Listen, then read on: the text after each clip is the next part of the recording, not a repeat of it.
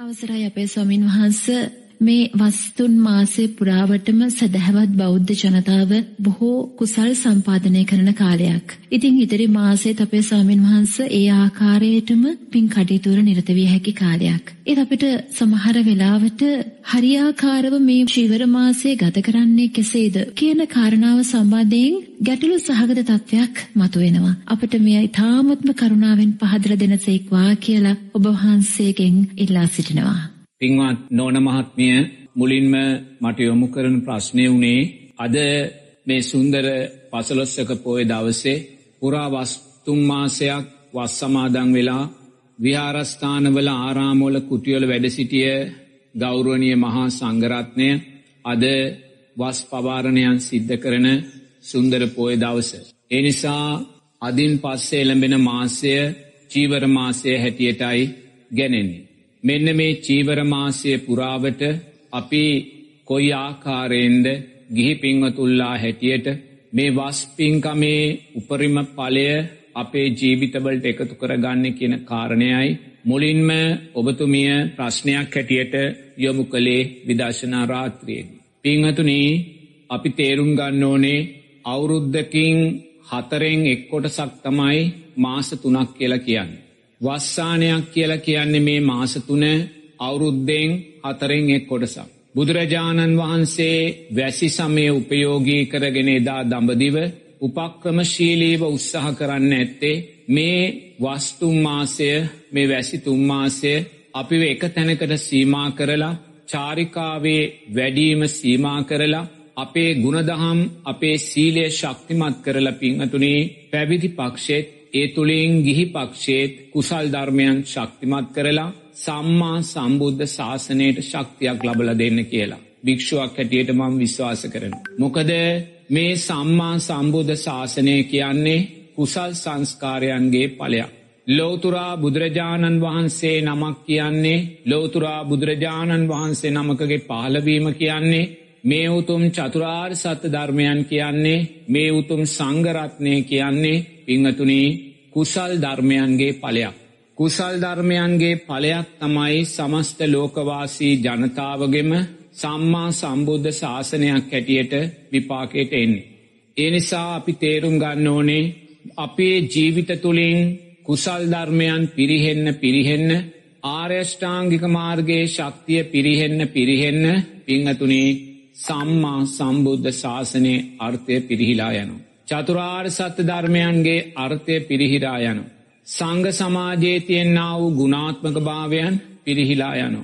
එමනම් පිංහතුනේ ශාසනයක් ආරක්ෂාවෙන්නේ. කුමන හේතුවක් තුළින්ද. ජනතාව තුළ වැඩෙන්න්නා වූ දසකුසල් ධර්මයන්ගේ ශක්තියෙන්. ජනතාව තුළ වැඩෙන්න්නා වූ ආර්යෂ්ඨාංගික මාර්ගයේ ශක්තියෙන්. ජනතාව තුළ වැඩෙන්න්නා වූ දානයේ සීලේ මෛත්‍රීයේ ශක්තියෙන්. එනිසා අපි බොහෝම නිහතමානීව කරුණාවෙන් තේරුම් ගන්න ඕනේ මේ වස් තුම්මාසය පුරාවට අපි කරගත්තා උතුම් පින්කම් පිංහතුනේ ඊළඟ වස්සානය දක්වා මේ උතුම් සම්මා සම්බුද්ධ ශාසනය ආරක්ෂා කරනවායි කියෙන කාරණය. මොකද මේ වස්තුම්මාසය තුළ සමස්ත බෞද්ධ ජනතාව සත්පුරුෂ බෞද්ධ ජනතාව ආර්යෂ්ඨාංගික මාර්ගය තුළ ගමන් කරලා තමන්ගේ පන්සලත් එක් එකතු වෙලා ආරණ්‍ය ස්වාමින් වහන්සේලා සමග මුහු වෙලා පිංහතුනේ අප්‍රමාණ කුසල් ධර්මයන් ජීවිතයට එකතු කරගත්ත වස්තුම්මාසය. සීලේ ශක්තිය මෛත්‍රියයේ ශක්තිය ත්‍යයාගේ ශක්තිය සම්මාධිට්්‍යාර්ථයන්ගේ ශක්තිය. සම්මා වායාමයන්ගේ ශක්තිය ජීවිතයට එකතු කරගන්නා වූ තුම්මාසය. එනිසා මේ තුම්මාසය තුළ අපි හැමෝම එකතු වෙලා මහා සංගරත්නය මුල් කරගෙන මහා සංගරත්නයට ප්‍රාතිමෝක්ෂ සීලයට අමතරව තවත් සීලයන් සමාදං කරවෙලා අපි එක තැනක තියලා චාරිකාවේ වැඩීම සීමා කරලා පිංහතුනේ සංඝයාගේ ගුණාත්මක භාවය උපයෝගී කරගෙන. ගිහි සමාජයට සිව්පසයෙන් ඇප උපස්ථාන කරන්න සලස්වලා ගිහි සමාජයත් කුසල් පක්ෂය වැඩි කරනු. ගිහි සමාජයත් පින වැඩි කරනු. පැවිදි පක්ෂයත් පින වැඩි කරනු. එතොට මේ ගිහි සමාජයේ පැවිදි සමාජයේ පින කුසලය වැඩිවෙද්දී. පිංහතුනේ එයම සම්මා සම්බුද්ධ ශාසනය ජීවත් කිරීමට ශක්තියක් වෙනවා. එනිසා අපි සෑම කෙනෙක්ම තේරුම් ගන්න ඕනේ ඔබ මේ උතුම් වස්සානය උතුම් කුසල් ධර්මයන් තුළ දස කුසල් ධර්මයන් තුළ ආර්ෂ්ඨාංගික මාර්ගය තුළ ඔබ ආර්ථවත්ව ජීවත් වනානං ඔබට සතුටු වෙන්න පුළුවන්. මම මේ උතුම් සම්මා සම්බුද්ධ ශාසනය ඊළඟ වස්සානය දක්වා ආරක්ෂා කරගන්න. රැකගන්න පෝෂණය කරගන්න. පිංහතුනේ ඔබේ ශක්තිය ඔබ ලබා දුන්න කියල. ලෝතුරා බුදුරජාණන් වහන්සේට ධර්මරත්නයට සංගරත්නයට මේ උතුම් තෙරුවන් ලෝකයේ තුළ තවතව ජීවත් කරන්න. මේ උතුම් චතුරාර් සත්‍ය ධර්මයෝ ලෝකයේ තුළ තවතව ජීවත් කරන්න. පිංහතුනේ අපි මේ වස්තුම් මාසය පුරාවට කැපවුනායි කියන සතුට අපේ ජීවිතවල අපිට ඇති කරගන්න පුළුවන්. දැන් අදින් පස්සේ උදාවෙන චීවර මාසය වස් පවාරණයන් සිද්ධ කරලා එනිසා මේ චීවර මාසය තමයි පුං්ඥ මාසය ඔබලා මේ වස්තුම් මාසය කලා වූ පින්කම්වල සාරය ඔබේ ජීවිතවලට එකතු කරගන්නා වූ මාසයයි චීවර මාසය කියන්. එනිසා පිංහ තුල්ලා දක්ෂවෙන්න ඕනෙ නිරේතුරුවම මේ චීවර මාසය තුළ කරගන්නා වූ සෑම පින්කමක්ම පිංහතුනේ ආමිසය ඉක්මවා ගියා වූ උතුම් ප්‍රතිපත්ති පූජාවක් ඇටියට මේ පින්කන් සිද්ධ කර. බුදුරජාණන් වහන්සේ දේශනා කරනවා යමෙක් යම් පුං්ඥකර්මයක් සිද්ධ කරයිද ඒ පුං්ඥකර්මයන් අතරින් ශේෂ්ඨම පුං්ඥකර්මය මෛත්‍රියයි කියලපින. මෛත්‍රියයට වඩා ශේෂ්ඨ පුං්ඥකර්මයක් මේ ලෝකෙනෑ. ආයිමත් බුදුරජාණන් වහන්සේ දේශනා කරනවා මහනෙන මෛත්‍රියයටත් වඩා ශේෂ්ඨ පුං්ඥකර්මයක් තියෙන. ගොද මෛත්‍රිය අයි තියෙන්නේ ආමිසේට මෛත්‍රියයටත් වඩා ශේෂ්ඨ පුං්ඥ කර්මයක් තියනවා. විදර්ශනා නුවන මතු කල්ල දෙන පුං්ඥ කර්මයක් තියනවා. ඒ පුං්ඥ කර්මය මොකක්ද. ඔබ මොහොතක් සතර සතිපට්ටාන ධර්මයෝ ජීවිතයට එකතු කර ගනීද. එය මෛත්‍රියයටත් වඩා ශේෂ්ඨ පුං්ඥ කර්මයක් කියලා. එය ප්‍රතිපත්තමය පූජාවක් බවට පත්වෙනවා කියලා. එය විදර්ශනානුවන මතු කරලා දෙන සංස්කාරයන්ගේ අනිත්‍ය භාවය මතු කල්ල දෙන සුන්දර පින්කමක් බවට පත්වෙනවා කිය. එමනම් පිංව තුල්ලා දක්ෂවෙන්න වස්තුම් මාසය අවසන් කරන අද දවසේ හෙටින් චීවර මාසය උදාවෙනවා සෑම පන්සලකම කටින පින්කම් තියෙනවා කටින පෙරහැරවල් තියෙනවා සාංගික දානමේ පූජා තියෙනවා පිරිකර පූජාවන් තියෙනවා කටින වස්ත්‍ර පූජාවන් තියෙනවා. සිව්පසේ නැපූපස්ථානයන් මුළු මාසෙ පුරාවටම දුවනවා ලංකාවේ දහස් ගානක් විහාරස්ථාන ආරන්නේවල එනිසා ඔබලා දක්ෂ වෙන්න ඕනේ. මේ කරන සෑම පින්කමක්ම මේ චීවර මාසය තුළ කරන සෑම පින්කමක්ම පිංහතුනේ විදර්ශනානුවන වැඩෙන පිංහතුනේ සංස්කාරයන්ගේ අනිත්‍ය භාවය දකින. ඒ වගේම සතර සටි පට්ටාන ධර්මයන් වැඩෙන. විදර්ශනාමේ සප්ත බොජ්ජංගයන් වැඩෙන. පංචෝ පාදානස්කන්ද ධර්මයන්ගේ අනිත්‍ය භාවය වැඩෙන. පිංහතුනේ මහත්ඵල මහානිසංස පින්කම් බවට ප්‍රතිපත්ති පූජාවන් බවට මේ පින්කම් පත් කරගන්න. එනිසා මොහොතක් ඔබ කල්පනා කරන්න මේ වස්තුම් මාසය පුරාවට සිහියට නගාගෙන ඔබට මතක ඇති මීට මාසතුනකට පෙරාතුව ඔබේ ගමේ විහාරස්ථානයට ඔබේ ගමේ ආරාමයට කුටියට ගිහිල්ලා ශාමින් වහන්සේලාට අර සුදු මල්ගොටුවක් පූජා කරලා බොහෝම ගෞරවෙන් ආරාධනා කරන්නති ගෞරෝණය ස්වාමින් වහන්ස ඔබවහන්සේලා මේ වස්තුම් මාසය මේ ආරාමේ වැඩ සිටිත්වා අපියඔබලාට සිව් පස්සේ නැපු පස්ථාන කරමී කියලා ඔබ ආරාධනයක් සිද්ධ කරන්න ඇති පිංහතුනී ආරාධනය සිද්ධ කරපු මොහොතේ පටන්. මාසතුනක් ගෙවිලයන මේ සුන්දර රාත්‍රිය දක්වා සිහියට නගාගන්න සිහියට නගාගෙන පිංහතුනේ මේ වස්තුම් මාසය ඔබලා සතර සටිපට්ටානයත් මතු කරගෙන මේ වස්තුම්මාසය සුන්දර ප්‍රතිපත්ති පූජාවක් බවට පත්කරගන්න මේ සුන්දර රාත්‍රිය ඔබ දක්ෂවෙන්. ඒ උදෙසා ඔබමොකක්ද කරන්න ඕනේ ඔබ දෑස්පියාගෙන මේ සුන්දර විදර්ශනා රාත්‍රිය ශ්‍රවනය කරන සිරස ගුවන් ඉදිලිය වාඩි වෙලා ඔබ දෑස්පියාගෙන මොහොතක් කල්පනා කරන්න ඔබලා වස් ආරාධනා කරපු මොහොතේ පටන් මේ මොහොත දක්වා මේ පුරා තුම්මාසේ පිංහතුනේ මේ සෑම පින්කමක්ම සිද්ධ කරගත්තේ ඔබේ රූපය මුල් කරගෙනයි. ඔබේ රූපයට හොඳින් හිතයොමු කරන්න. කොයිදේ සිද්ධ කළෙත් ඔබේ රූපය මුල් කරගෙනයි බාහිර රූපයන් මුල් කරගෙනයි. එනිසා ඔබේ රූපය ඔබ හොඳින් සීයට නගාගන්න මොහොතක් ඔබේ රූපය කායානු පස්සනාවෙන් මේ මොහොත දකින්න දෑස්පියාගෙන ඔබේම රූපය දෙතිස් කුණුපයක් සතර මහා ධාතුවක් ආයතන හයක් මරණානුස්සතියක් අට්ටික සංඥාවක් හැටියට නුවනින් දකින්න කියලා බුදුරජාණන් වහන්සේ දේශනා කරන. මොකද ඔබේ රූපයත් ඔබේ ඥාතීන්ගේ ඔබේ හිතවතුන්ගේ අනෙකුත් සතරපේරුවේ දායකයින්ගේ වස් සමාදංගුණ ගෞරෝණය සාමීන් වහන්සේලාගේ රූපයන් මුල් කරගෙනමයි පිංහතුනේ මේ පින්කම සිද්ධ වනේ. ඒවගේම ජියවමාන බුදුරජාණන් වහන්සේගේ රූපය මුල් කරගෙනයි මේ පින්කන් සිද්ධ වනේ. එනිසා ඔබ අධ්‍යාත්මික රූපයත් බාහිර රූපයත් කියන මේ කාරණා දෙකම මොහොතක් දෑස් පියාගෙන පිංහතුනේ කායානු පස්සනාව තුළ විසරුවන්. මොහොතක් ඔබේ රූපය දෙතිස් කුණුපයක් හැටියට දකින්න වස්තුම් මාසෙම කරගත්තා වූ පින්කම් සිහියට නගාගෙන ඒ සෑම පින්කමකටම මුල්වෙච්ච ඔබේ රූපය සිහියට නගාගෙන පිංහතුනේ ඔබේ රූපය දෙතිස් කුණුපයක් හැටියට මොහොතක් දකින්න. මනසිං ඔබේ රූපය ගලවන්න ඔබට මේ මෝතේ සුන්දර සම්මා සමාධිමත් හිතක් තියෙනවා ඔබට සුන්දර සම්මා සමාධිමත් හිතක් තාමත් නැත්තං ඔබ දෑස් පියාගෙන හිත සමාධිමත් කරගන්න. දෑස් පියාගෙන මේ සිරස ගුවන් විදිලේ ඉදිරිේ වාඩි වෙලා ආශ්වාස ප්‍රාශ්වාසයට හොඳින් හිත පිහිටන්න. බාහිර සිතුවිලිවලට යන්න එපා බාහිර ශබ්දවලට හිත යන්න එපා ඔබ ආශ්වාස ප්‍රාශ්වාසය කෙරෙයි සිත රිජුව පිහිටවාගන්න. ආශ්වාසය උදට ගනිද්දී ඇති වෙනවා කියල දකින්න. උස්ම රැල්ලත් එක්ක ඔබේ සීය හොඳින් අරංයන්.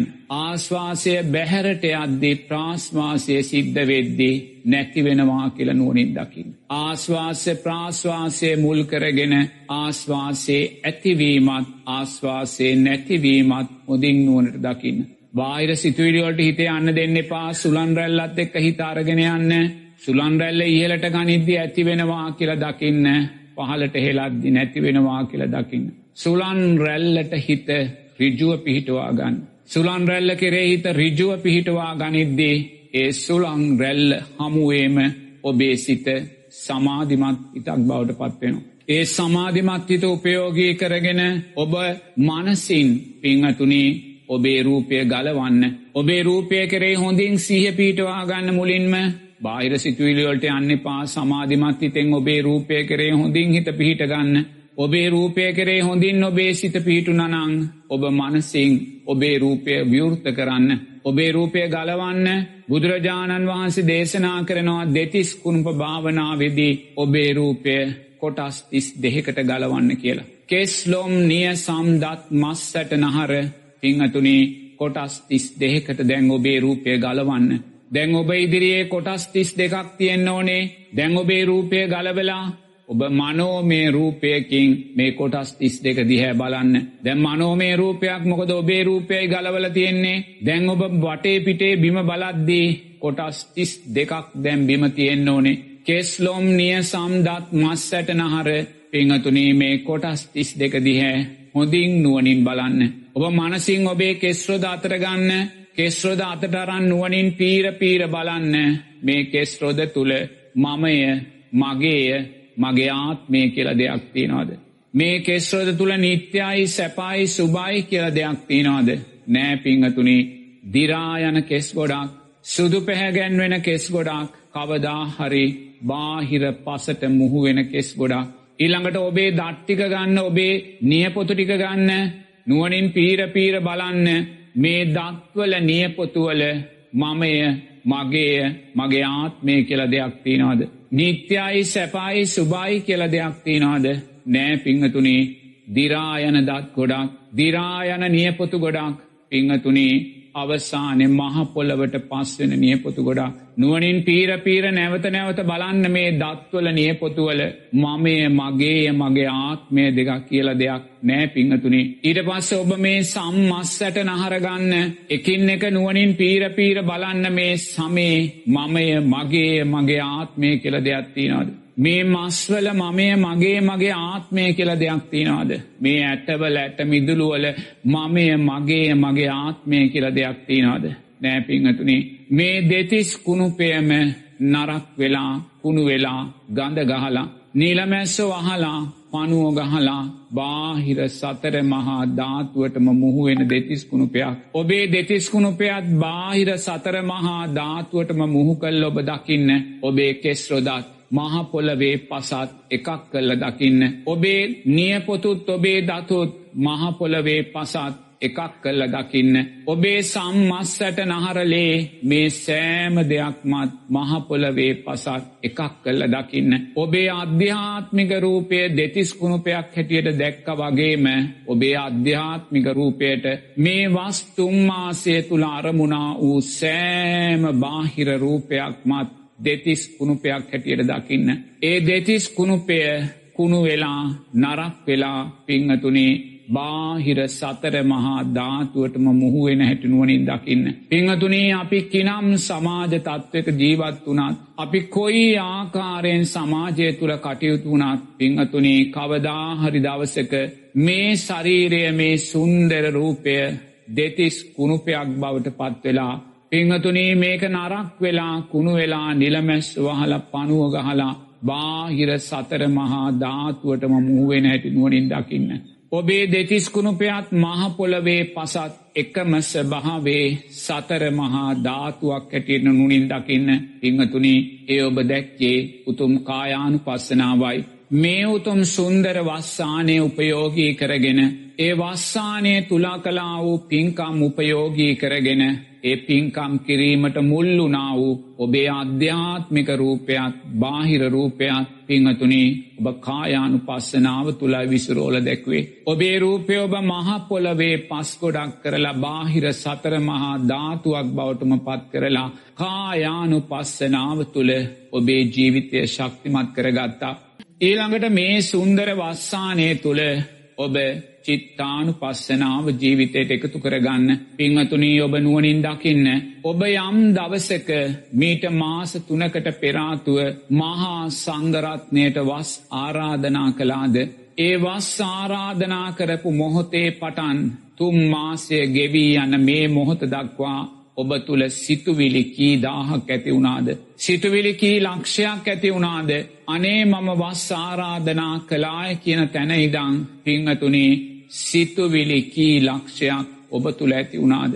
අනේ අද වස් පවාරණ දවස කියලා මේ අවසාන සිතුවිල්ලත් දැන් ඇතිවෙන මොහොතේ පිංහතුනේ සිතුවිලි දස් ගානක් ලක්ෂ ගානක් ඔබේ සිත තුළ ඇති වුණා.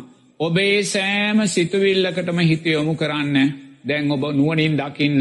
මොහොතක් අතීතයට යන්න. වස් ආරාධනා කරපු මොහොතේ පිංහතුනේ ඔබ තුළ ඇතිවුණා වූයේ සුන්දර පුං්ඥ සිතුවිල්ල සිහියට නගාගන්න ඒ සිතුවිල්ල නිත්‍යද අනිත්‍යද? ඒ සිතුවිල්ල අනිත්‍ය වෙලා ගියා. ඔබ වස් ආරාධනා කරලා පලවෙනි දවසෙම විහාරස්ථානයට ගිහිල්ලා සාමීන් වහන්සේලාගේ දුක සැප සොයලා හවස බෝධිවන්දනාවන්ට බෝධි පූජාවන්ට සහභාගි වෙන මොහොතේ ඔබ තුළේ ඇතිවුණා වූ සිතුවිලි එකක්වත් දැන් ඔබට අයිතිද පිංහතුනි ඒ සෑම සිතුවිල්ලක් මානිත්‍ය වෙලා ගියා. දවසයින් දවස ඔබ වස්සානය මුල්කරගෙන දානමය පින්කම් සීලමය පින්කම් මෛත්‍රීමය පින්කම්. සිව්පසේ නැපූපස්ථාන කිරීමේ පින්කම් සවස බෝධි පූජා පින්කම් ධර්ම දේශනාමය පින්කම්. පිංහතුනී මේ සෑම පින්කමක් තුළින්ම සකස් වුනා වූ සෑම සිතුවිල්ලක්ම සිහියට නගාගන්න. ඒ සෑම සිතුවිල්ලක්ම අනිත්‍යයි පිංහතුනේ. ඒකම සිතුවිල්ලක්වත් දැන් ඔබට අයිතිනෑ ඔබ දෑස් පියාගෙන නුවනින් දකින්න. මේ සෑම සිතුවිල්ලක්ම සකස් වනේ කුමක් ඇසුරෙන්ද පිංහතුනි? අධ්‍යාත්මික රූපයක් බාහිර රූපයක් පටිච්ච සමුපන්න විඤ්ඥානයක් හේතුවෙන් සකස් වූ පස්සේ නිසාමයි පිංහතුනේ. අධ්‍යාත්මික රූපය දෙතිස් කුණුපයක් නං බාහිර රූපයක් දෙතිස් කුණුපයක් නං පටිච්ච සමුප්පාන්න විඤ්ඥානය සංස්කාරයන් හේතුවෙන් සකස් වෙන අනිත්‍ය වූ ධර්මතාවයක් නං පිංහතුනේ. කවදාක්වත් පස්සේ නිසා සකස් වෙන සිතුවිලි නිත්‍ය වෙන්නේ නෑ. අනිත්‍යෝ රූපයක් අනිත්‍යෝ විඤ්ඥානයක් ඇසුරෙන් සකස් වෙන සිත කවදාක්වත් නිත්‍ය වෙන්නේ නෑ. එනිසා වස් ආරාධනා කළ මොහොතේ පටන් වස් පවාරණය කරන මේ මොහොත දක්වා ඔබ තුළ සකස් වනා වූ සෑම සිතුවිල්ලක්ම ගෞරුවනය ගිහි පින්මතුල්ලාගේ ගෞරුවනය සාමීන් වහන්සේලා තුළ ගෞරුවනය දායක පක්ෂය තුළ මේ සකස් වූ සෑම සිතුවිල්ලක් මොහොදින් සිහියට නගාගෙන අනිත්‍යයි කියල නුවනින් දකින්න. මේ සෑම සිතුවිල්ලක්ම අනිත්‍ය වූ අධ්‍යාත්මික රූපයත් බාහිර රූපයත් පටිච්ච සමුපන්න විඤ්ඥානය නැමති සංස්කාරයන් හේතුවෙන් සකස් වෙන පලයත් නිසා සකස් වූ සෑම සිතුවිල්ලක්ම අනිත්‍යයි කියලා දකින්න. ඔබ චිත්තානු පස්සනාව තුළ ජීවත් වෙනවා. ඔබ චිත්තානු පස්සනාව තුළ ජීවත් වනා වෙනවා පිංහතුනේ ඔබ සුන්දර වස්සානය දැන් කායානු පස්සනාව තුළ විසිරෙව්වා. මේ සුන්දර වස්සානය ඔබ දැන් චිත්තානු පස්සනාව තුළත් විසිරෙව්වා පිංහතුනේ මී ළඟට ඔබ මේ සුන්දර වස්සානය වේදනානු පස්සනාව තුළ විසිරුවන්න. පිංහතුනේ ඔබට මතකද ඔබ වස් ආරාධනය කරපු මොහොතේ ඔබ තුළ ඇතිවුණ සැපවේදනාවන්. අනේ මම ජීවිත කාලෙට පළමිනි වතාවට වස් පින්කමක් ආරාධනා කළා. අනේ මම ජීවිත කාලය පුරාවට දෙවෙනි වතාවට තුන්වෙනි වතාවට වස් පින්කමක් ආරාධනා කළා. ඒ වගේ මයි හැමෝම එකතු කරගෙන ගමේ හැමෝම සමගි කරගෙන දායක පිරිස් සතර පේරුව සමගි කරගෙන අනේ හැමෝම එකට අත්වැල් බැඳගෙන වස් ආරාධනා කරද්දී ඔච්චරනං ඔබ තුළ සැපවේදනා ඇති වුණාද. ඔබ හැමදාම පන්සලට ගිහිල්ල හවසට බෝධිවන්දනා කරද්දී. පිරිස එකතු කරගෙන මල්වට්ටි හදද්දි මල්වට්ටි පූජා කරද්දී පිංහතුනේ කොයිසා නම් ඔබ තුර සැපවේදනාවන්න ඇති වුණාද. සාමීන් වහන්සේලා අභිවාදන සීඩිස්ස කියලා ඔබට පින් අනුමෝදං කරද්දේ. කොයිසා සැපවේදනාවන් ඔබ තුළ ඇති වුණාද. ඔබලා දානමය පින්කම් කරද්දි සීලමය පින්කම් කරද්දි ධර්මදේශනාමය පින්කම් කරද්දි මේ වස්සානය මුල් කරගෙන පින්වතුනේ කොයිසානම් සැපවේදනාවන් ඔබ තුළ ඇති වුණාද පිංහතුනේ ඒ සෑම සැපවේදනාවක් දැම්මොකොද වෙලා තියෙන්නේ ඔක්කොමානිත්‍ය වෙලා ගියා ඔබ වස් ආරාධනය කරපු වෙලාවේ ඔබ තුළ ඇතිවුණා වූ සැපවේදනාව දැන් ඔබට තියෙනවාද. ඔබ හවස බෝධි වන්දනා කරපු වෙලාවේ ඔබ තුළ ඇතිවුණා වූ සැපවේදනාවන් දැන් ඔබට තියෙනවාද. මහා සංගරත්නය අභිවාදන සීලිස්ස කියලා ඔබට පින් අනුමෝදං කරපු වෙලාවේ ඔබ තුළ ඇතිවුණා වූ සැපවේදනාවන් ඔබළඟ දැන් තියෙනවාද. පිංහතුනේ ඒ සෑම සැපවේදනාවක්ම අනිත්‍ය වෙලා ගියා. ඒ විතරක් නෙමේ මේ වස්සානයේ පුරාවට ඔබ තුළ කොච්චර දුක්වේදනා ඇතිවෙන්න ඇද්ද. පිංහතුනී සමහර වෙලාට ඔබ බලාපොරොත්තු නැති දේවල් කොච්චර සිද්ධ වෙන්න ඇද්ද. මහා සංගරත්නය අතින් අඩුපාඩුවක් වෙච්ච වෙලාවේ. මහා සංගරත්නය යම් සීලේ දුර්වලප්තාවයක් දැක්ක වෙලාවේ. ගිහි පිංවතුල්ලාගේ සමගිය බිඳුන වෙලාවේ. ගිහි පිංවතෙක් බාධා කරපු වෙලාවේ. ඒවගේම මහා වැස්ස පහුගේ කාලිපුරාවට මහා නියගේ මේ නියගේ වැස්ස නිසා කොයිසානම් හිත්වේදනාවන් දුක්වේදනාවන් ඔබ තුළ ඇතිවෙන්න ඇත. ඒවගේම රෝගී භාවයන් නිසා පින්කම්වොල්ට සම්බන්ධ වෙන්න නොහැකිවීම නිසා මිලමුදල් ප්‍රශ්න නිසා පිංහතුනේ කොයිසානම් දුක්වේදනාවන් ඔබ තුළ ඇතිවෙන්න ඇද්ද ඒකම දුක්වේදනාවක්වත් දැන් ඔබට අයිති නෑ පිංහතුනේ. ඒනම් මේ සැපදුක් විඳීම් දෙකමානිත්‍යයි. ඒවගේම උපේක්ෂා සහගත විඳීම් ඔබ කොච්චර ලබන්න ඇද්ද. පිංහතුනී පින්කම් සිද්ධ වෙන වෙලාවේ ඔබ නිරේතුරුවම මෛත්‍රී භාවනාව කල්ල බුද්ධානුස්සතිය වඩල දම්මානුස්සතිය වඩල සංගානුස්සතිය වඩලා. සීලානුස්සතිය ත්‍යයාගානුස්සතිය වඩලා ඒවගේම විදර්ශනා ධර්මයන් මොහොතක් වඩලා පිංහතුනී ඔබ උපේක්ෂා සහගත සිතින් කොච්චරනම් පසුවෙන් නැද්ද. ඒවගේ ඔබ මොන අසාධාරණය දැක්කාත් ඒ අසාධාරණය මම සංසාරය කලා වූ වරදක් හැටියට දැකලා. ඔබේ ඉදිරියට ආපු සෑම බාධාවක්ම මමම සංසාරය කරගත්තා වූ අකුසලයක් කියල දැකලා. ඒ බාධාවන්ට ඇලීම් ගැටීම්මොල්ට යන්නේ නැතුව ඔබ කොයිසා උපේක්ෂා සාගත සිත් ඇති කරගන්න ඇද පිංහතුනි මේ වස්තු මාසය පුරාවට. කොයිසා ඉවසීමකින් ඔබ කටයුතු කරන්න ඇද්ද. අනේ මං මේ සුන්දර වස්සානය ආරාධනා කළේ ප්‍රශ්න ඇති කරගන්න නෙමේ ගැටුම් ඇති කරගන්න නෙමේ කාටවත් චෝදනා කරන්න නෙමේ කාගවත් වැරදි දකින්න නෙමේ. එනිසා මං මේ වස්සානය තුළ මොන පීඩනයාවත් මොන බාධකාවත් මොන විවේචනාවත් ඉංහතුනි මං ඒවා මධ්‍යස්ත සිතෙන් දරනවා කියලා මොන වැරද්ද ඉදිරියේත් ඔබ උපේක්ෂාවෙන් කොච්චරනං ගත කරන්න ඇද්ද නමුත් ඒ උපේක්ෂා ධර්මයෝ නිත්‍යද අනිත්‍යද පිංහතුනි ඒ සෑම දෙයක්ම වෙනස් වෙලා ගිය. ඇයි වෙනස් වනේ? මේ විඳීම සකස් වනේ ඇලීම ගැටීම උපේක්ෂාව සකස් වනේ පිංහතුනේ. පස්සය මුල් කරගෙනයි. පස්ස පච්චයා වේදනා පස්සේ හේතුවෙනුව විඳීම සකස් වෙන්නේ. පස්සේ සකස් වනේ කුමකින්ද. අධ්‍යාත්මික රූපයත් බාහිර රූපයත් සංස්කාරයන් හේතුවෙන් සකස් වෙන අනිත්‍ය වූ විඤ්ඥානයත් හේතුවෙනුයි පස්සේ සකස් වනේ එනං අධ්‍යාත්මික බාහිර රූපයන් අනිත්‍යනං විඤ්ඥානයත් අනිත්‍යනං පිංහතුනේ පස්සය හේතුවෙන් සකස් වෙන විඳීම් නිත්‍ය වෙන්නේ නෑ. ඒ සෑම විඳීමක්ම අනිත්‍ය වෙලා යනවා. ඒ සෑම විඳීමක්ම අනිත්‍ය වෙලා යනවා කියලා හිතද්දේ අපිට අරමුණු වෙන්නේ මේ සතර මහා ධාතුව මයි පිංහතුනේ මේ රූපය දෙතිස් කුණුපයක් හැටියට මයි මේක මරණානුස්සතියක් හැටියට මයි මේක අට්ටික සංඥාවක් හැටියට මයි මේක සලායතනයන් ආයතන හයක් හැටියට මයි මේක කුණු වෙලා මහපොළවට පස් වෙන පස් ගොඩක් හැටියට මයි පිංහතුනී රූපය අනිත්‍යනං රූපය ඇසුරෙන් සකස් වෙන සිතුවිලි රූපය ඇසුරෙන් සකස් වෙන විඳීම් අනිත්‍යයි කියලා මේ සුන්දර විදර්ශනා රාත්‍රයේදී දෑස් පියාගෙනම නුවනින් දකින්න දැන් ඔබ මේ සුන්දර වස්සානය උපයෝගී කරගෙන පිංහතුනී කායානු පස්සනාව ජීවිතයට ගත්තා. ඒවගේම චිත්තානු පස්සනාව ජීවිතයට ගත්තා. ඒ වගේම වේදනානු පස්සනාව ජීවිතයට ගත්තා. දැන් ඔබ දෑස් පියාගෙන මේ සුන්දර කටින පින්කම් තුළින් දම්මානු පස්සනාව ජීවිතයට අතු කරගන්න.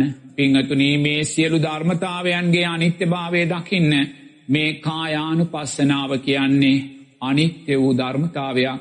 මේ වේදනානු පස්සනාව කියන්නේ අනිත්‍ය වී යන ධර්මතාවයක්. මේ චිත්තානු පස්සනාව කියන්නේ අනිත්‍ය වී යන ධර්මතාවයක්. ඒ වගේමයි මේ සුන්දර වස්සානයට මුල්වෙච්ච ලෝතුරා බුදුරජාණන් වහන්සේ කියන්නේ මේ උතුම් ධර්මරත්නය කියන්නේ මේ උතුම් සංගරත්නය කියන්නේ ආනිත්‍ය වී යන ධර්මතාවයන්මයි. ඒ වගේමයි පිංහතුනි මේ ලෝකේ මුලවෙන අවිද්‍යාවේ පටන් මේ ලෝකේ අගවෙන ජාති ජරා ව්‍යාධි මරණ දක්වා මේ පටිට්ට සමුපන්න ක්‍රියාවලියම පිංහතුනේ අනිත්‍ය වී යන ධර්මතාවයන්.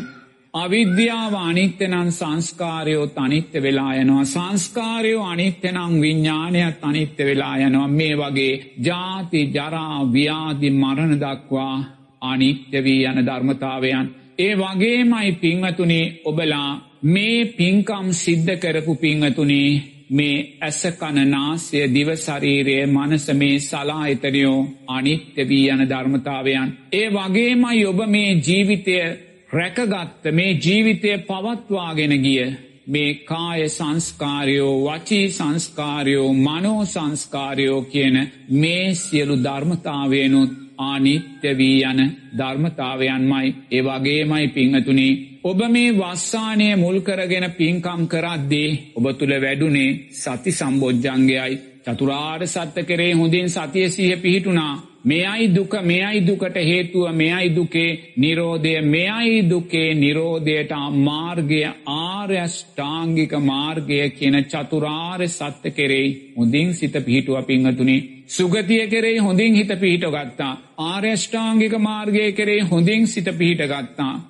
මහා සංගරත්නය වන අපි උතුම් ප්‍රාතිමෝක්ෂ සීලය කෙරෙයි අමතර වස්සාන සිල්පද කෙරෙයි හොදින් සිහ පිහිටවා ගත්තා පිංහතුනි අපි කොයිසා හොඳින් සීය පිහිටවා ගත්තත් සති සම්බෝජ්ජන්ගේ මුල් කරගෙන ඇතිකරගන්නා වූ සතිය නිසාම පිංහතුනී ධම්ම විජය බොජ්ජන්ගේ වැඩුණා. ධර්මයට අදාළව අපි ජීවිතය ක්‍රියාත්ම කරගත් අපි ජීවිතයෙන් ධර්මයක් මයි දැක්ක පිංහතුනී එනිසාම අපි තුළ වීර්ය වැඩුණා. ඒ වීරය නිසා ප්‍රීතිය පස්සද්ධ්‍ය ඇති වුණා. ඒ නිසාම සමාධිය උපේක්කා කියන මේ උතුම් සප්ත බොජ්ජන්ගේෝ අපි තුළ වැඩුණ. පිංහතුනි අපි තුළ ධර්ම විජය බොජ්ජන්ගේ වැඩෙන්න්න නම් අපි අනිවාර්යෙන්ම සති සම්බෝජ්ජන්ගේ අපේ ජීවිතයට එකතු කරගන්න ඕනේ. සති සම්බෝජ්ජන්ගේෙන් තොරව කවදක්වත් ධම්ම විජය බොජ්ජන්ගයක් වැඩෙන්නේ මේ උතුම් චතුරාර් සත්‍ය ධර්මයෝ මේ උතුම් මාර්යෂ්ඨාංගික මාර්ගය අපි තුළ වැඩෙන්නේ නෑ එනිසා ඔබ මේ වස්සානය පුරාවට යම් සති ධම්ම විජය වීර ප්‍රීති සමාධි උපේක්කා මේ උතුම් ධර්මයන් නැති කරගත්තද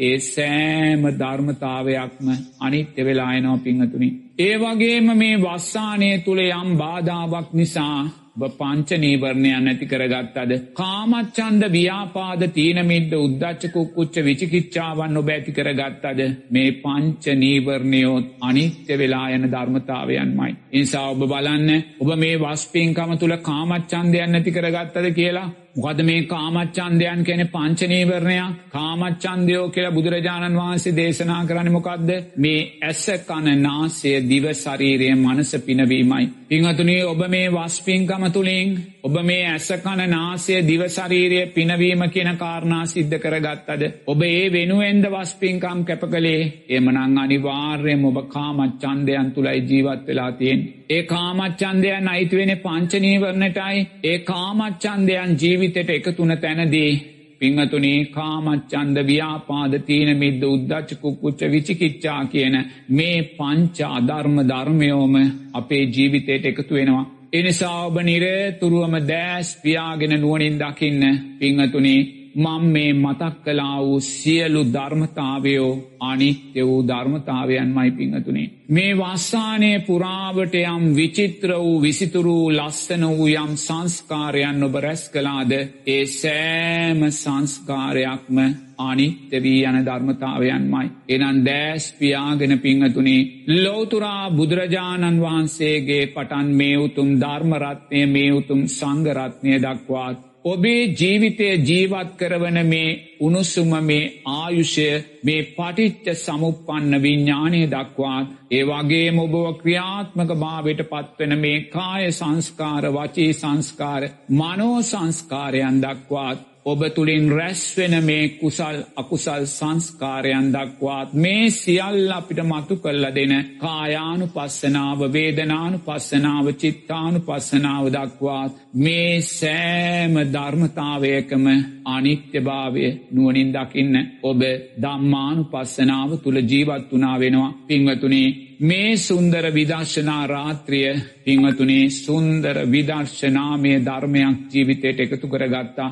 ඔබ කලා වූ සුන්දර ආමිස පූජාවන් සියල්ලම එක මොහොතකින් ප්‍රතිපත්තිමය පූජාවක් බවට පත් කරගත්තා. පිංහතුල්ලා කරගත්තා වූ සෑම පින්කමක්ම සිහියට නගාගෙන වස් ආරාධනා කිරීමේ පටන් මේ අවසාන බෝධිපූජාව දක්වා කරගත්තා වූ සෑම පින්කමක් තුළින්ම රැස්සුනා වූ සංස්කාරයෝ පිංහතුනේ අනිත්‍යයි කියල දකින්න. ඒ දකින මොහොතේ ඔබ දම්මානු පස්සනාව තව තවත් ශක්තිමත් කරගත්ත වෙනවා. නමුත් ඔබ දම්මානු පස්සනාව ශක්තිමත් කරලා ඒ දම්මානු පස්සනාව ශක්තිමත් වනා වූ සිතෙන් ඔබ ආයිමත් සතුටට පත්වෙන්න එපා පිංහතුනේ ඒ සතුටක් ඔබ තුළ ඇති වුණොත් ඒ සැප වේදනාව ආයිමත් ඔබ වේදනානු පස්සනාව මනිත්‍යයි කියල දකින්න. ඒ වේදනානු පස්සනාවත් ඔබ අනිත්‍ය වූ දම්මානු පස්සනාවක්ම කියල ඔබ දකින්න කොතනෙකවත් මාරයාට ඉඩ දෙන්න එපා. පුංචි හෝ සැප වේදනාවකින්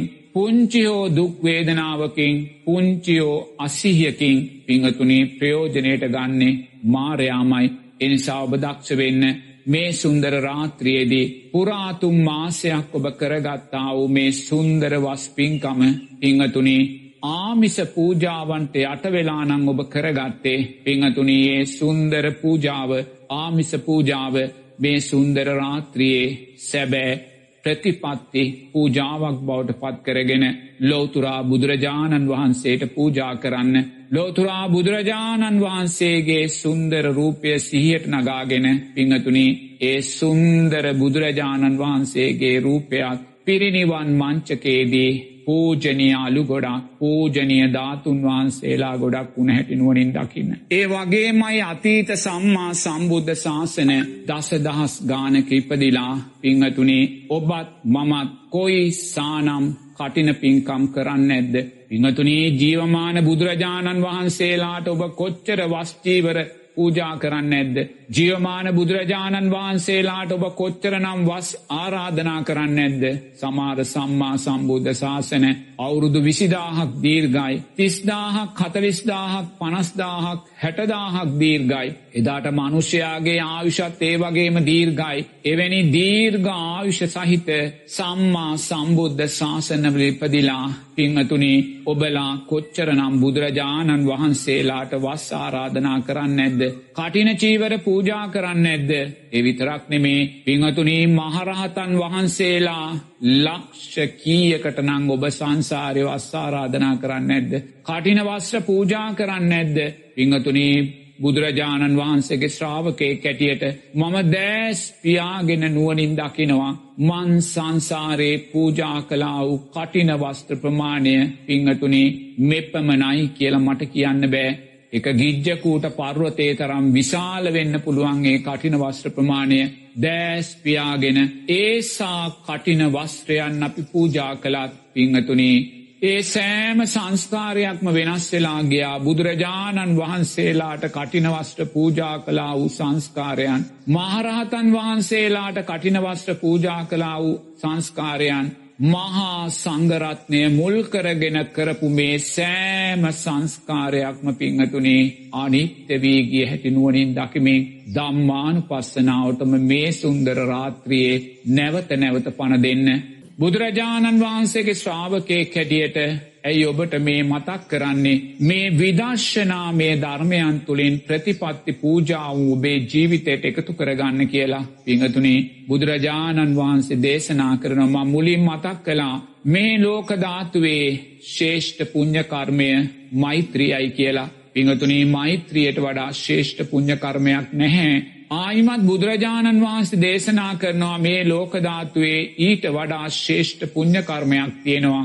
ඒ තමයි ඇස්සුරු සැනක් අනිත්‍ය භාවය වැඩීම කියලා. එනම් පිංහතුනේ ඔබ මේ සුන්දර රාත්‍රියයේ සිරස ගුවන් විදිලේ ඉදිරියේ වාඩි වෙලා පිංහතුනේ මේ පැයක් පුරාවට ජීවිතයට එකතු කරගත්තේ ජීවිත කාලය පුරාවට කලා වූ සුන්දරම කුසල් නිදියයි පිංහතුනේ සුන්දරම විදර්ශනා නිදියයි සුන්දරම රාත්‍රියයි ඔබ මේ ගත කරන්නේ. ඔබ මුළු ජීවිත කාලෙම විතරක් නෙබේ සංසාරයක් පුරාවට කලා වූ කටින වස්ට පූජාවන් පිංගතුනේ ඔබ දම්මානු පස්සනාවෙන් දැකලා අයෝමය විදර්ශනාමය කුසලයක් ඔබේ ජීවිතයට එකතු කරගත්තා. පිංහතුනී ලෝතුරා බුදුරජාණන් වහන්සේ ඔබෙන් බලාපොරොත්තු වෙන්නේ ඒ උතුම් අරමුණමයි පිංහතුනී මොකද බුදුරජාණන් වහන්සේ මේ උතුම් ශාසනය පනබලා දැම් වසර දෙදස් හයිසීයකට වැඩිය ගෙවී ගිහිල්ලා පිංහතුනේ මේසා සම්මා සම්බුද්ධ ශාසනය වසරින් වසර වසරින් වසර ආරක්ෂාවෙන්නේ ගෞරුවනිය මහා සංගරත්නය නිසා.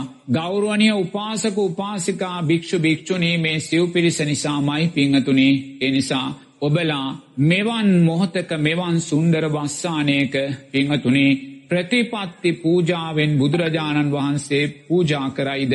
විදර්ශනාමය ධර්මයන්ගින් ඔබේ ජීවිතය පුරවා ගනීද? පිංහතුනි ඔබ මේ ලෝකධාතුවේ රැස් කලා වූ ශේෂ්ඨ පිනේ උරුමේ ලබනවා. එනිසා සමස්ත බෞද්ධ ජනතාවම ලෝකවාසේ බෞද්ධ ජනතාවම පිංහතුනේ මේ සුන්දර විදර්ශනාමය ධර්මයන් ජීවිතයට එකතු කරගන්න.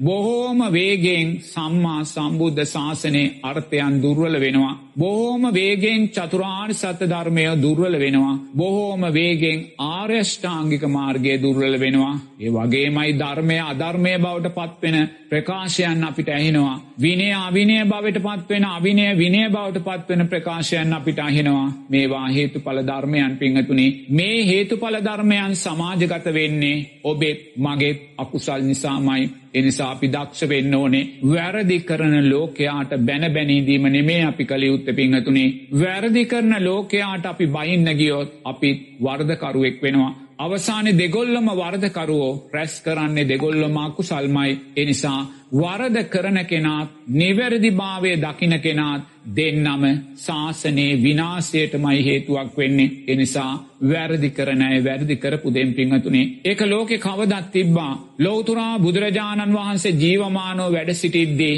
මිච්චා ශාසනයක් එදත් තිබ්බා. ඒ මිච්චා ශාසනයට දේවදත්ත නායකත්වය දුන්නා. ඒ මිච්චා ශාසනයට ගිහි පිංවතුල්ලා නායකත්වය දුන්නා. නමුත් පිංහතුනේ බුදුරජාණන් වහන්සේ සැලුනෙනෑ. බුදුරජාණන් වහන්සේ තමන්ගේ ශ්‍රාවකින් ශක්තිමත් කලා සීරයෙන් ශක්තිමත් කලා කුසලයෙන් ශක්තිමත් කලා මෛත්‍රියෙන් ශක්තිමත් කලා විදර්ශනාවෙන් ශක්තිමත් කලා උපාසක උපාසිකාවන් භික්‍ෂු භික්‍ෂුණී මේ සිව්වනක් පිරිසම ධර්මය තුළ ධර්ම මාර්ගය තුළ චතුරාර් සත්‍ය තුළ ශක්තිමත් කරලා විදර්ශනා ධර්මයන් මෝදු කරලා පිංහතුනි ඒ අයගේ පුං්ඥ ශක්තිය වැඩි කලා ඒ වැඩිකිරීමේ පලයයි අදත් අපි මේ උතුම් ශාසනාර්ථයන් බුක්තිවිදින්නේ එමනැත්තම් මේ ශාසනය අවුරුදු දෙදා සයිසීයක් රැකල දුන්නේ බ්‍රහ්මේක් දෙවියෙක් නෙමේ පිංහතුනේ. මේ ශාසනය දෙදා සයිසීය අවුරුද්දක් රැකදුන්නේ මේ භික්‍ෂු භික්‍ෂුණී උපාසක උපාසිකා සිව්වනක් පිරිස තෙරුවන්ට කීකරුභාවයෙන් කරගත්තා උතුම් ආමිස පූජාවනුත් ඒ ආමිසය තුළින් කරගත්තා වූ පින්වතුනේ ප්‍රතිපත්තිමය පූජාවනුත් හේතුවෙන් නොයි කියන කාරණය අපි නිහතමානීව තේරුම් ගන්න ඕනේ එනිසා මේ සම්මා සම්බුද්ධ ශාසනය මේ දක්වා ආරක්ෂා කරන්න පිංහතුනි ඔබ පටිච්ච සමුපන්නව කොයිසානං කැපවීමක් කරන්න නැද්ද. ඔබ මේ ජීවිතේ පලවෙනි වතාවට මනුස්සෙක් වුණේ නැහැ. ඔබ පසුගේ අවුරුදු දෙදා සයිසීය පුරාවට පිංහතුනේ විසිපාරක් විසිපස් පාරක් ඔබ මනුස්ස ජීවිත ලබල උපදින් නැති මේ සම්මා සම්බුද්ධ ශාසනේ තුෂ්නාපච්චයා උපාදානන් මැරෙන මොහොත එකම උපාදානය යොබ ඇති කරගත්තේ. මොකක්ද මේ සම්මා සම්බුද්ධ ශාසනේ ඉපදේවා. පිංහතුනේ තුෂ්නාපච්චයා උපාදානන් ඒ උපාදානයට අදාළව නැවත මව් කුසමකම ඉපදිලා සිංහල බෞද්ධෙක් වෙලා ඔබ මේ ශාසනය මයි ආරක්ෂා කරන්නේ. එමනං පටිච්ච සමුපන්නව පසුගේ ආත්මභාව විස්සක විසිපාක පහලෝක දහයක පිංහතුනේ ඔබලා මේ උතුම් සිංහල බෞද්ධ සමාජය තුළ ඉපදුනාමයි පිංහතුනේ මේ උතුම් බෞද්ධකම දරාගෙන ඉපදුනාමයි. ඒ ඉපදීම තුළම ඔබ තුෂ්නාපච්චයා උපාදානන් කියන ධර්මතාවය තුළ පිංහතුනේ තුෂ්නාවෙන් මේ ශාසනාර්ථයන් දරාගෙන මේ ශාසන ආරක්ෂාව දරාගෙන ආවා වූ පිරිසක් ඔබලා. එනිසා ඔබ තේරුම් ගන්න ඔබලාමයි මේ ශාසනය ආරක්ෂා කළේ. වෙන කවුරුත් නෑ මේ ශාසනය ඇමරිකාවෙන් නැවිල් ආරක්ෂා කල්ල දෙන්නේ. නෑ. චීනෙන් ඇවිල්ල ඉන්දියාවෙන් ඇවිල්ල රුසියාවෙන් ඇවිල්ල මේ ශාසනය ආරක්ෂා කල්ල දෙන්නේ නෑ. මේ සිංහල බෞද්ධකම ආරක්ෂා කල්ල දෙන්නේ පිංහතුනේ ඔබමයි. ඔබේ දරුවන්මයි. එනිසා ඔබ දක්ෂ වෙන්න. මේ ජීවිතය ඔබ යම් තැනක නැවතුනාත් එ නවතින තැන ඔබ ආයිමත් තුෂ්නාපච්චයා උපාදානන් කියන ධර්මතාවයක් ඇති කරගන්නවා. මොකක්දේ අනේ මේ ශාසනය ආරක්ෂා කරන්න මේ සිංහල බෞද්ධකම ආරක්ෂා කරන්න නැවත මම ශ්‍රී ලංකාවේ උපදීවී කියලා උපදින්න කියලා මං ඒක අනුමත කරන්නේ බුදුරජාණන් වහන්සේ අනුමත කරන්නෙත් නෑ බුදුරජාණන් වහන්සේ දේශනා කරන්නේ ලෝකය ලෝකය තුළ තියලා ඔබ නිදහස් වෙන්න කියලා. මොකද ලෝකය කියන දුකයි. ලෝකය කියන ජාති ජරා ව්‍යාධි මරණ සෝක පරිදේව දුකයි. නිසා බුදුරජාණන් වහන්සේ ඔබට දේශනා කරන්නේ ලෝකය හදන්න කියලා. ලෝකය ඊළඟ දවසේ ඔබ ඊළඟ ආත්මභාවත් මනුස්සෙක් වෙලා ලෝකය මේ සම්මා සම්බුද්ධ ශාසනය ආරක්ෂා කරන්න කියලා බුදුරජාණන් වහන්සේ ඔබට කියන්නේ. ශ්‍රාවකයෙක් හැටියට මං ඔබට කියන්නෙත් නෑ. නමුත් අපි සියලු දෙනා දිවන් දකින්නේ අපි සියලු දෙනා සෝවාන් පලට පත්වෙන්නේ බුදුරජාණන් වහන්සේ දේශනා කරනවා මේ නියසිලට ගන්න පස් ප්‍රමාණයයි සද්ධහ වෙති කරගන්න කියලා. සුගතියට යන්න මෙපමණයි එනම් පිංහතුනේ සියල්ලම සෝවාන් පලට පත්වේ කියලා අපිට හිතන්න බෑ. සියල්ලම සකුරදාගාමි අනාගාමි අරිහත් වෙන්න කියලා අපිට හිතන්න බැහැ. එනිසා අපේ ඉන්ද්‍රීය ධර්මයන්ගේ එකිනෙකට වෙනස් ස්භාවයන් අපි නිරේතුරුව දකින්න ඕනේ එනිසා ඔබ තේරුම් ගන්න මේ සම්මා සම්බුද්ධ ශාසනය දෙදස් හයිසිය වසරක් මේ දක්වා ආරක්ෂා කළේ ඔබ මයි පටිච්ච සමුපන්නව මේ සිංහල බෞද්ධ සංස්කෘතිය තුළම ඔබ මැරමින් නිපදමින් තුෂ්නාපච්චයා උපාදානන් කියන ධර්මතාවය ඇවිල්ලා මේ උතුම් ශාසනාර්ථයන් ඔබ තාමත් ආරක්ෂා කරගත්තා. එනිසා පිංහතුනීහින් අදහස් වෙන්නේ වසර දෙදා සයිසීයක් ඔබ බුදුරජාණන් වහන්සේට ඔබේ ජීවිතය පූජා කල්ල තියෙනවා. ඔබ මේ උතුම් ධර්මරත්නයට ඔබේ ජීවිතය පූජා කල්ල තියෙනවා. මේ උතුම් සංගරත්නයට ඔබේ ජීවිතය ඔබ පූජා කල්ල පෙන්නල තියෙනවා ඒකයි ඔබ තුෂ්නාපච්චයා උපාදානන් කෙන ධර්මතාවය තුළ